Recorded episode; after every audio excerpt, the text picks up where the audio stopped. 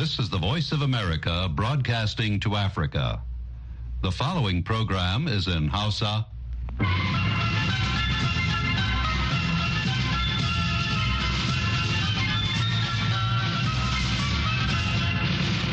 Sashen Hausa na murya Amurka ke magana daga nan Washington DC.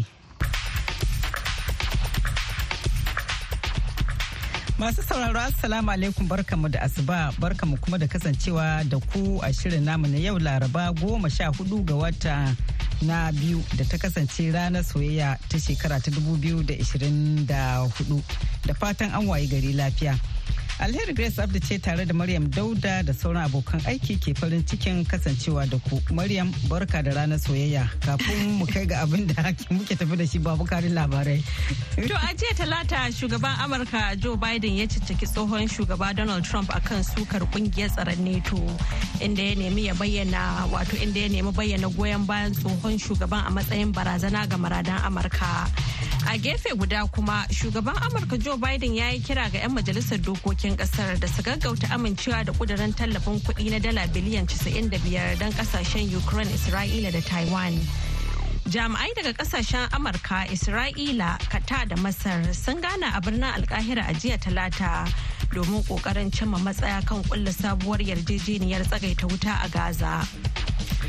Kamar yadda muka saba kowace ranar laraba bayan labaran duniya murtala faruk sanyina zai shigo da shirin baki mai yanka wuya wanda a yau ya haska fitila kan tsadar rayuwa a najeriya. Gaskiya rasuwar wigwe ya taba ni ƙwarai da gaske. Duk da yake muna yara da muka rabu.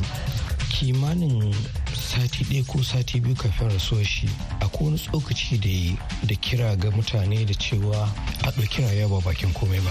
Wanda bai da wannan cikakka natsuwa da sani ya kamata ba zai kalama irin waɗannan ba. To bayanan waɗansu kenan a sokoto dangane da rasuwar shugaban bankin access mr harvard to dangane da baki mai yanka wuya kuma ga abin da ake mai da hankali akai a yau.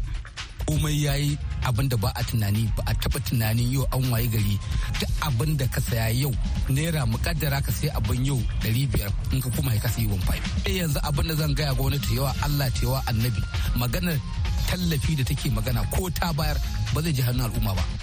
To sai ku ci gaba da kasancewa tare da mu kafin nan da Maryam da halin da duniya ta waye gari. Jama'a Assalamu alaikum ga cikakkun labaran. A jiya talata daga kausan lafazi shugaban Amurka Joe Biden ya caccaki tsohon shugaba Donald Trump akan sukar ƙungiyar tsaron NATO inda ya nemi ya bayyana goyon bayan tsohon shugaban a matsayin barazana ga maradan Amurka. 'yan republican a majalisar wakilai da ke ƙoƙarin yanke shawara akan ko su ba da goyon baya ga kudirin samawa ukraine tallafi ta fannin tsaro a majalisar dokoki ko a'a dole ne su zaɓi tafiya da maradan amurka ko trump a cewar shi da yake magana a fadar white house biden ya caccaki kalaman da trump ya yi a ƙarshen makon jiya inda ya ce a lokacin da yake shugaban ƙasa ya faɗa wa shugabannin ƙungiyar neto cewa ba zai kare mambobin ƙungiyar da suka kasa sauke nauyin kuɗi da ya rataya a wuyansu ba sai ma dai ya goyi bayan rasha ta kai musu hari. Babu wani shugaban ƙasa a tarihinmu da ya taɓa miƙa wuya ga shugaban rasha mai mulkin kama karya a cewar biden. A halin da ake ciki kuma shugaban amurka joe biden ya yi kira ga 'yan majalisar dokokin amurka a jiya talata da su gaggauta amincewa da kudirin tallafin kuɗi na dala biliyan 95 don ƙasashen ukraine isra'ila da taiwan duk da adawa da matakin da ake samu a majalisar wakilan ƙasar inda 'yan republican ke da rinjaye. Da safiyar jiya talata majalisar dattawan amurka ta zartar da kudirin tallafin da kuri'u 70 yayin da wasu 'yan majalisar su 29 suka ki amincewa da shi inda 'yan republican fiye da sha biyu suka haɗe da 'yan democrat da ke da rinjaye don goyon bayan ƙuduran nan da nan shugaban ukraine volodymyr zelensky ya gode wa wannan matakin.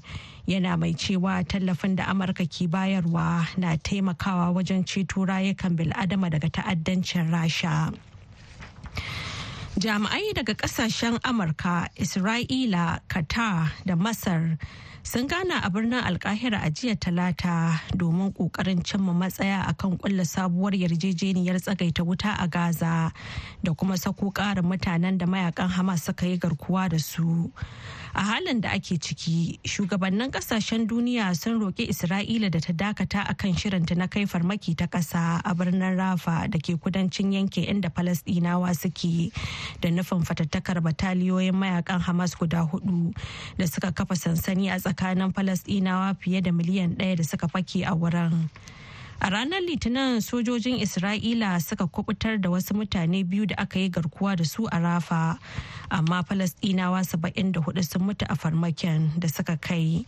Sakatare janar ɗan Majalisar Ɗinkin Duniya Antonio Guterres ya shaidawa manema labarai cewa yana fatan a samu nasara a tattaunawar da ake yi don sakin mutanen da aka yi garkuwa da su da kuma tsagaita wuta don kaucewa kai gagarumin farmaki a birnin rafa inda ke zaman shalkwatar ayyukan jin kai a yankin lamarin da zai haifar da mummunan sakamako. To kada nisa nan gaba kaɗa Maryam za ta sake shigowa da ƙara labaran duniya amma kafin nan bari mu nufi Najeriya inda ake ci gaba da alhinin hadarin jirgin sama mai sauka angulu a nan Amurka da ya sanadin salwatan rayukan mutane shida da suka hada da shugaban bankin Access Mr. Herbert Wige matarsa da kuma ɗansa. Al'ummar jihar Sokoto ɗaya daga cikin jihohin Najeriya da marigayen ke fahariya da su sun bayyana irin kyawawan halayen marigayin kamar yadda wakilinmu Muhammadu Nasir ya labarta mana. I understand my country very well, having gone to school in the northernmost part of the country, um, a place called Sokoto, largely um, Muslim, different weather, different culture, and I come from the southernmost part of the country called Port Harcourt.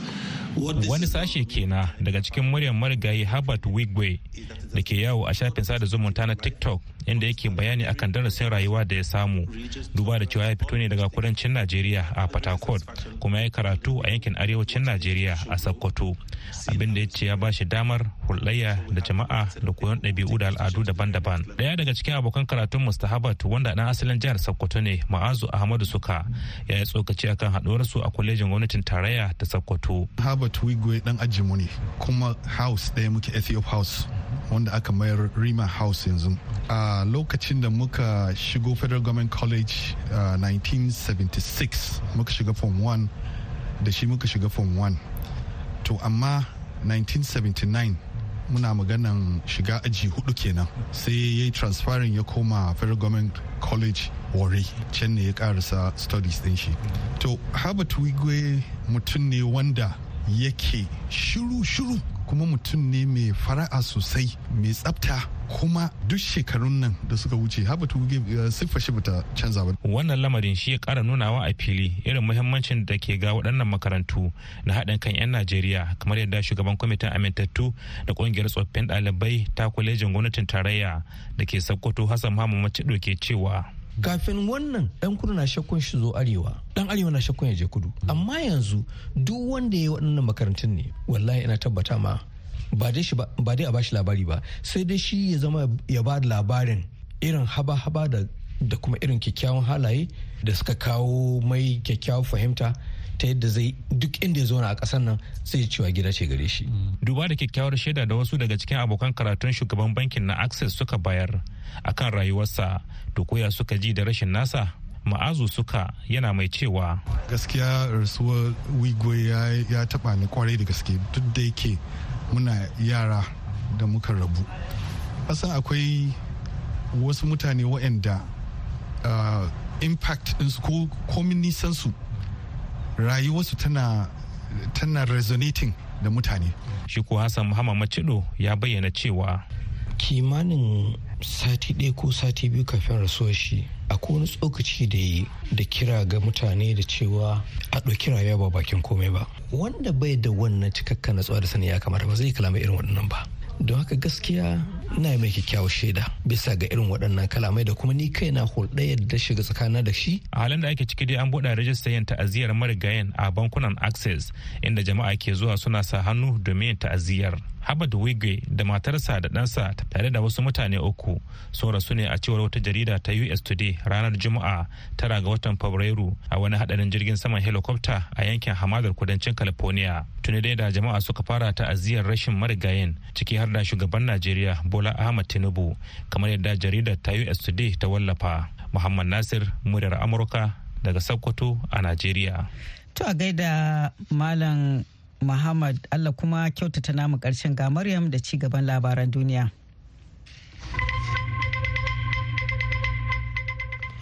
Shugaban hukumar UNRWA ta Majalisar Ɗinkin Duniya da ke taimakawa Falasɗinawa 'yan gudun hijira ya yi watsi da kiraye-kirayen a dakatar da ƙungiyar ya kuma ce UNRWA ita ce hukumar da ta fi dacewa wajen tunkarar kalubalen jin kai a Gaza. Na yi magana da ƙasashe mambobin majalisar ɗinkin duniya game da kiraye-kirayen da ake yi na a dakatar da hukumar ta unrwa a kuma soke ta gaba ɗaya kuma na yi gargaɗi game da tasirin yin hakan. Na faɗi cewa waɗannan kiraye-kirayen ba su hango nesa ba a cewar filipe lazarini babban kwamishinan hukumar unrwa manyan ƙasashen da ke ba da gudunmuwa ciki har da amurka sun dakatar da ba da tallafin kuɗi ga hukumar ta unrwa bayan zargin cewa wasu falasinawa su goma sha biyu ma'aikatan hukumar sun taka rawa a kisan gillar da ƙungiyar hamas ta yi a isra'ila a watan oktoban bara. Lazarini ya faɗawa manema labarai a Geneva a jiya talata cewa ya shafa sa'o'i biyu yana tattaunawa da ƙasashe mambobin majalisar akan halin da ake ciki a rafa wanda ya bayyana a matsayin abin damuwa matuƙa. Wasu ƙananan jiragen ruwa guda biyu sun yi karo a kogin Congo da ke yammacin ƙasar ta Congo a cewar jami'an yankin inda suka bayar da bayanai masu cin karo da juna game da adadin mace-macen da aka samu. Alexis Mampa shugaban ƙaramar hukumar Maluku ya ce babu wanda ya mutu a hadarin da ya faru ranar Talata wato ranar Litinin a gabas da Kinshasa babban birnin ƙasar Congo. Wani jami'in yankin Eliza Ntambwe da farko ya ce mutane da yawa sun mutu amma daga baya ya ce babu tabbaci akan bayanan. To a gaida Maryam Dauda da karanto labaran duniya daga nan sashen Hausa na murya Amurka.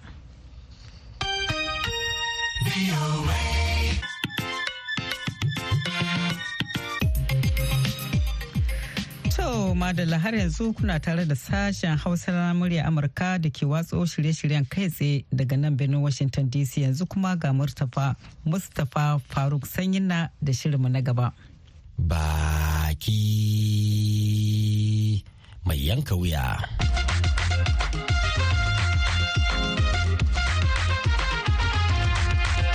Yayin da yanayin tattalin arziki ke ƙara tsananta ga 'yan Najeriya. Asusun ba da lamuni na imf ya ce tattalin arzikin ƙasar ɗungurungun yana cikin mawuyacin hali.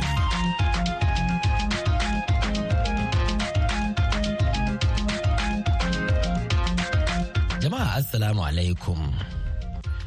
Wani rahoton baya-bayan nan na asusun ba da lamuni na imf ya bayyana cewa tattalin arzikin najeriya na cikin mawuyacin hali. A daidai lokacin da 'yan ƙasar ke kokawa kan matsin rayuwa sakamakon tsananin tsadar kayan abinci da na masarufi tare kuma da ƙarancin kayayyakin a kasuwa.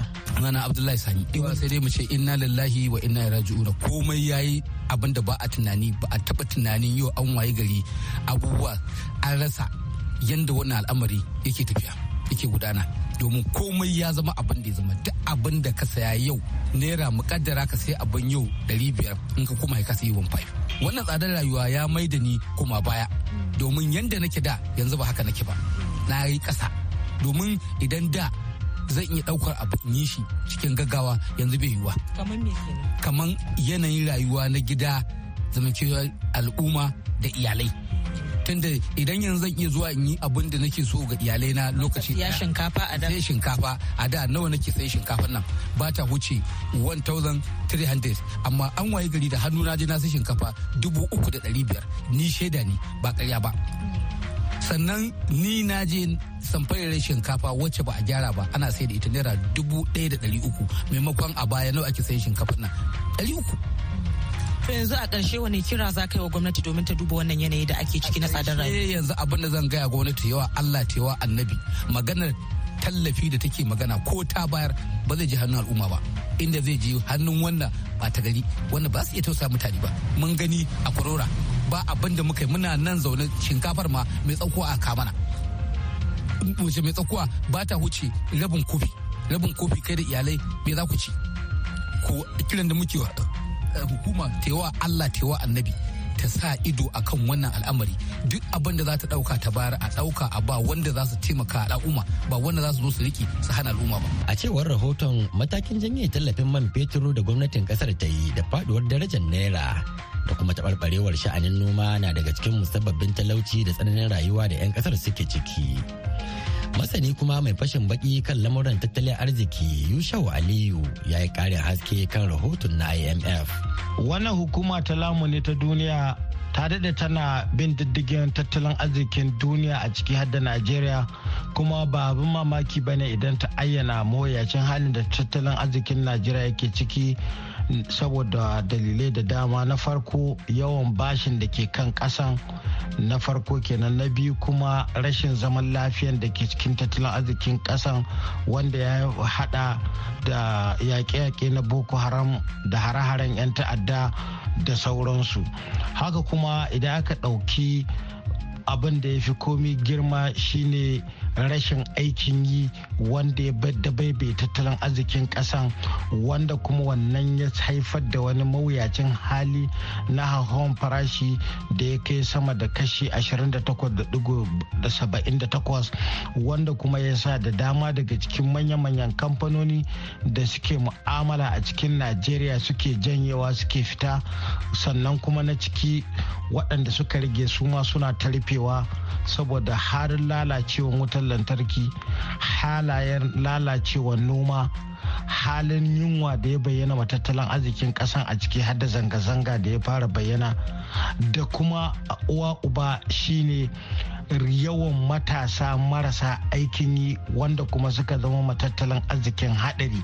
Saboda haka idan aka ɗauki waɗannan alƙaluma aka haɗa su gaba ɗayansu za ki iske cewa tattalin arzikin najeriya yana cikin mawuyacin hali a ɓangaren tsare-tsare da gudanar da tattalin arzikin ƙasan hadda ma sha'anonin da suka shafi kuɗi wanda a zahiri yanzu haka ita naira tana fuskantar mawuyacin halin da bata taɓa fuskanta ba a tarihinta tun da aka kirkiro ta 1973 wanda a yanzu ɗin nan ana canza kuɗin amurka guda ɗaya da kusan naira dubu ɗaya da ɗari biyar da ɗoriya.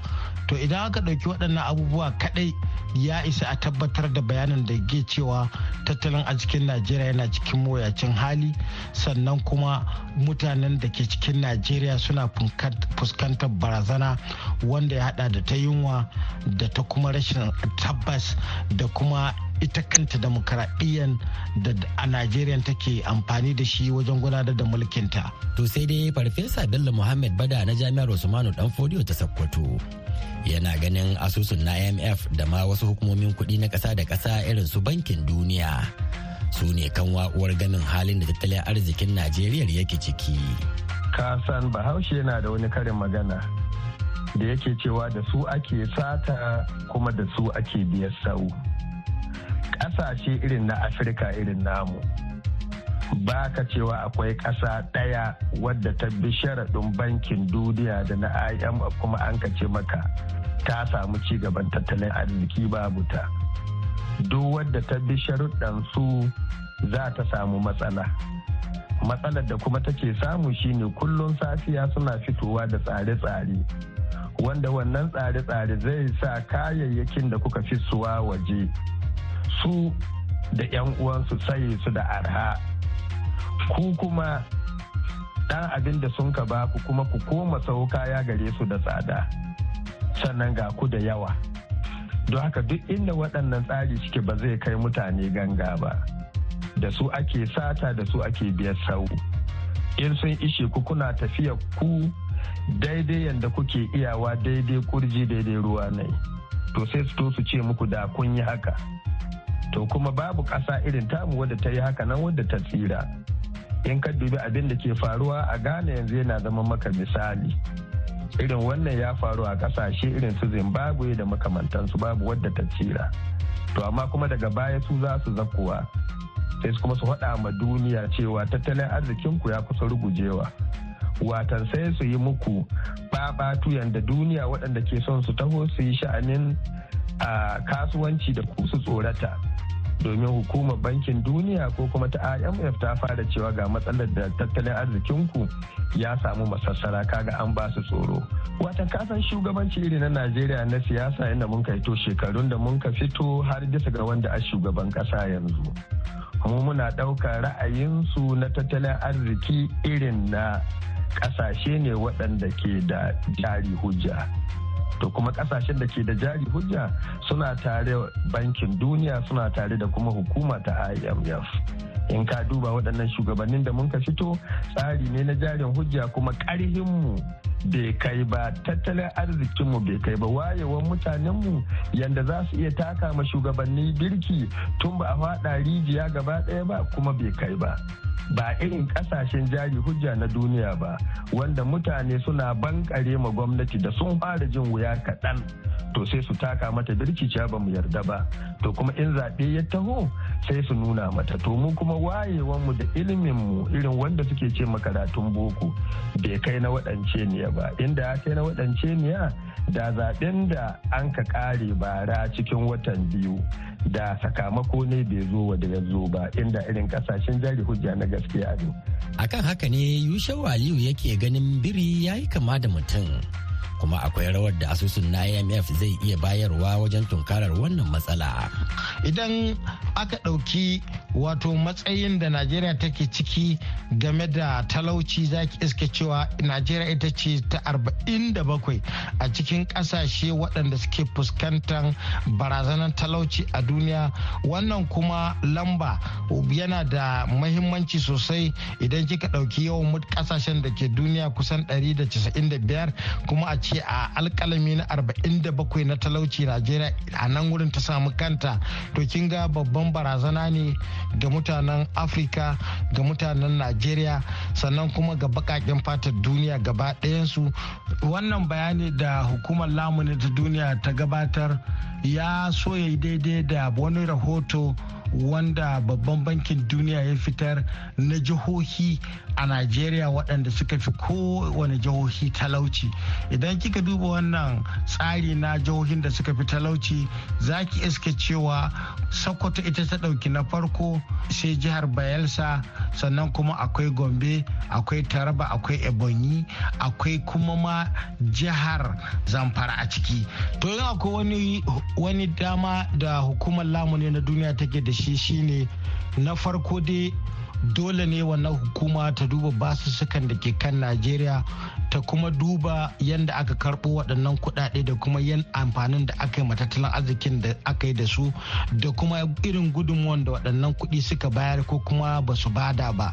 Na biyu kuma ita wannan hukuma dole ne ta taimaki ita najeriya a kan sauran waɗanda najeriya take da mu'amalar bashi a kansu saboda a gaggauta duba bashin da ke kan najeriya saboda galibin kuɗaɗen da ake samarwa a matsayin sababbin haraji wanda ba a iya samun su gaba ɗayansu. Sannan an same su kusan sama da kashi casa'in na kuɗaɗen haraji da aka samu a ƙasan ana amfani da su ne wajen biyan basussuka. To kin ga idan aka samu tattalin arziki mai girma irin najeriya wanda yake tattalin arziki ne wanda yake na ɗaya a afirka amma kuma idan kika duba matsalolin da yake fuskanta saboda waɗannan matsaloli na ba su suka za ki iska cewa giɓin da ake samu wajen kasafin kuɗin ci gaban ƙasan yana da girman gaske. Amma kuma farfesa bello muhammad ba da ya ce tun asali 'yan najeriya ne da kansu suka ba da dama ga samar da wannan matsala ta matsayin rayuwa da yanzu haka ke addabar su.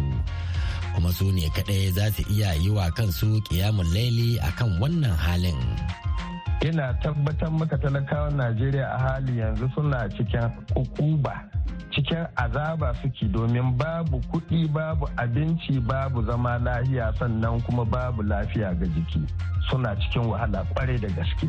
To amma kuma duk abin da talakan najeriya samu kai nai ta kuma sai shi kuka da kai nai kuma shi kuka da waɗanda a 'yan boko.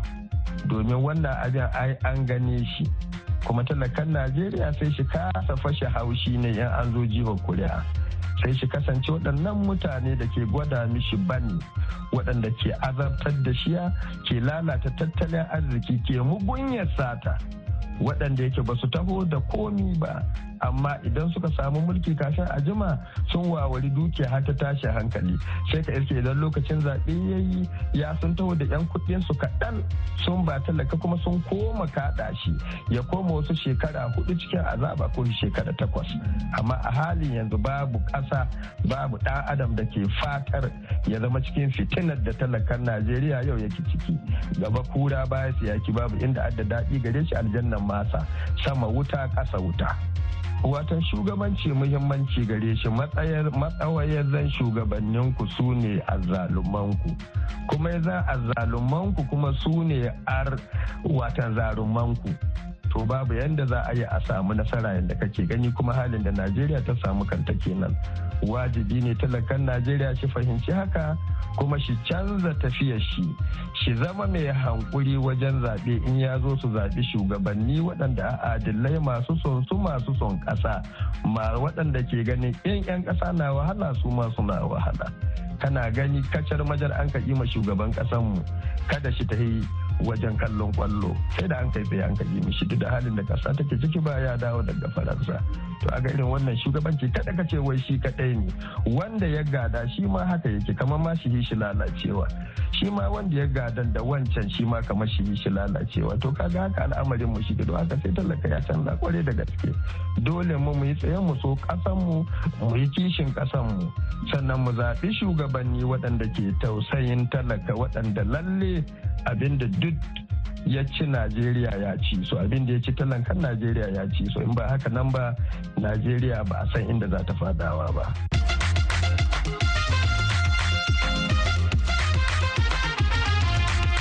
Masu saurare a nan za mu dasa aya sai mako mai zuwa inda za mu kawo muku wani sabon shiri. Godiya ga wakiliyar sashen hausa rikayya basha. Sai daɗi balawe da ya daidaita mana sautin shirin. Murtala Faruk Sanyin na ke muku sallama daga Washington DC.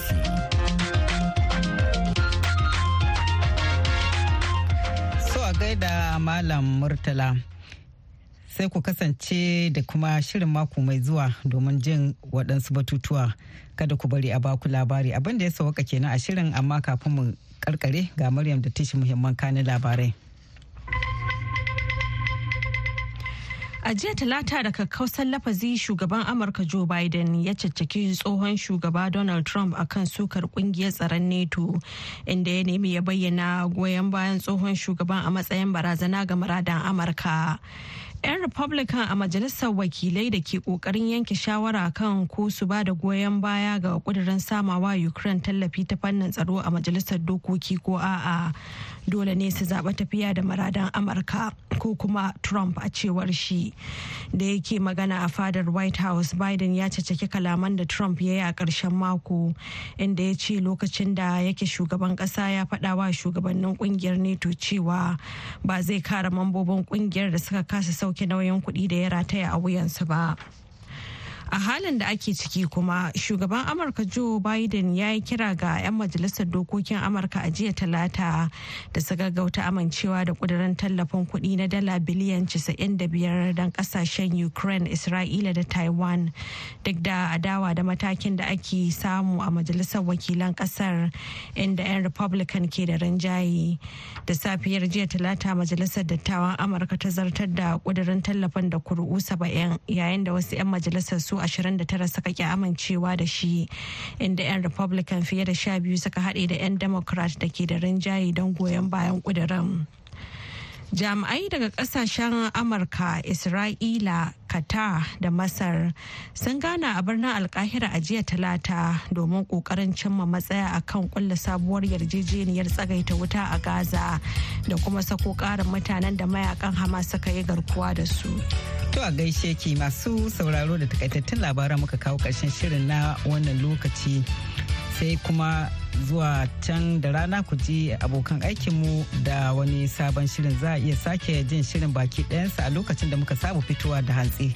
Kamar kullum za ku kuma iya sauraron shirye-shiryenmu da dukkan rahotanni da muke gabatarwa hama da kariya shafinmu na intanet biyu hausa da ko kuma yin tsokaci a shafukanmu na sada zumunta facebook da twitter. Yanzu a madadin dukkan waɗanda suka ba da gudunmuwa ga nasarar wannan shirin da suka hada da editan namu na yau ibrahim ka almasi garba da hadiza kyari da ta wallafa rahotanni a yanar gizo sai maryam dauda da ta karanto labarai da kuma shi